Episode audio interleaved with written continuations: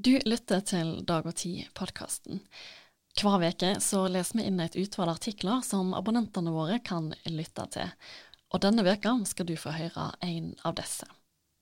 Frank Tønnesen er ny skribent i Dag og Tid og skriver spalta Kunngjøringer, som han leser inn til lydavisa. Han har òg laga musikken til spalta.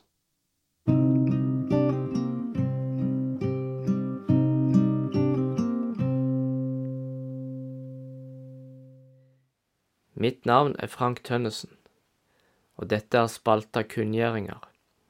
Jeg lager sanger og er musiker, og i denne spalta skriver jeg om hendinger og tanker som faller meg inn.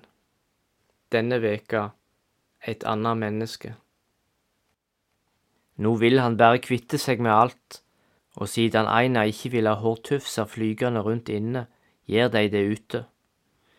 Det har inga hensikt å vente lenger, det er bare å sette i gang. Aina har sett klar en kjøkkenstol ute på altanen. Johnny røyker ferdig en sigarett før han setter seg ned. Det er mange måneder siden sist, og håret har vokst seg stort og tjukt. Det likner verken det ene eller det andre. Han har prøvd seg med noe voks i, men det fungerer ikke. Aina går inn på badet og henter sauesaksa, som hun kaller maskinen. Maskinen stiller hun på tre millimeter. De hører lyden av biler som passerer nede på E39. Kan hende ser sjåføren Johnny i stolen. De bryr seg ikke. Slik har det alltid vært å bo ved en veg. De som passerer, snur seg og ser huset til Aina og Johnny en kort øyeblink. Av og til holder de på med noe utenfor. Bilene kjører uansett videre. Kan hende lurer de på hva de egentlig så. Var det et dyr som hoppa rundt der oppe? Bor det folk der? Einar og Jonny enser det ikke. Ikke før en bil senker farten og svinger av fra hovedveien. Da kan det være besøk eller noen som har kjørt feil og må spørre etter veien. De har ingen naboer, så noe er det. Altanen er i bruk hver dag. Om morgenen står Jonny der med en kaffekopp og strekker seg. Einar tasser ut barbeint i morgenkåpa og myser på gradestokken som henger på veggen.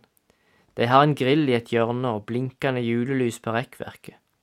Om kveldene når det er varmt nok, sitter de i hver sin stol under halvtaket. Badekaret som sto i huset, som en gang tilhørte besteforeldre til Aina, kom aldri lenger enn ut på altanen. En sjelden gang tapper Aina i glovarmt vann og legger seg naken oppi. Det er ikke noe for Jonny. Det kiler i nakken når Aina starter maskinen og begynner å skrelle av hår. Ingen sier noe. Nokre hårtuster blir tatt av vind og flyger i retning badekaret eller opp i lufta. Resten havner under stolen på terrassebordet. Det er ikke noe spegel framfor Johnny, slik det gjerne er i en frisørsalong. Han kan ikke følge med på hva Aina gjør, bare kjenne nevene hennes og maskinen som går att og fram. Han sitter og tar imot de siste stripene av kveldssola som holder på å forsvinne bak fjellet. Han hører pusten til Aina og stoler på at hun veit hva hun holder på med. Det er uansett ingen vei tilbake. Kveldene kommer til å bli kaldere framover.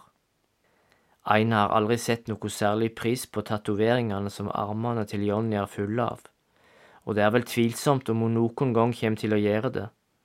Hun børster vekk hår fra nakken med en kost, og enda en tatovering dukker opp. Det kan ikke være tvil om at nå blir det andre tider, med denne nye sveisen, eller uten sveis, får en vel sie. Det er ikke godt å vite hva som kommer til å skje nå. Kan hende må de til byen og handle nye klede. Da kan det fort balle på seg. En ting er sikkert, mange kommer ikke til å kjenne at Johnny. De kommer til å tro at det er et annet menneske.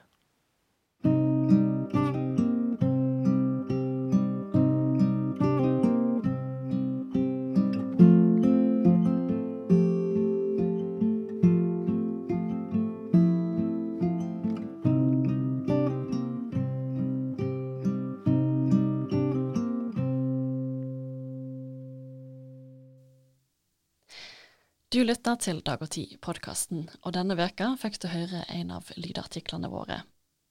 Er du nysgjerrig på Dag og Tid og lydavisa vår? Da kan du tinge et gratis prøveabonnement med automatisk stopp. Gå inn på dagogtid.no prov. Og som alltid, hvis du har tilbakemeldinger på podkasten vår, send gjerne en e-post til sofie krøllalfa dagogtid.no. Takk for at du lytta.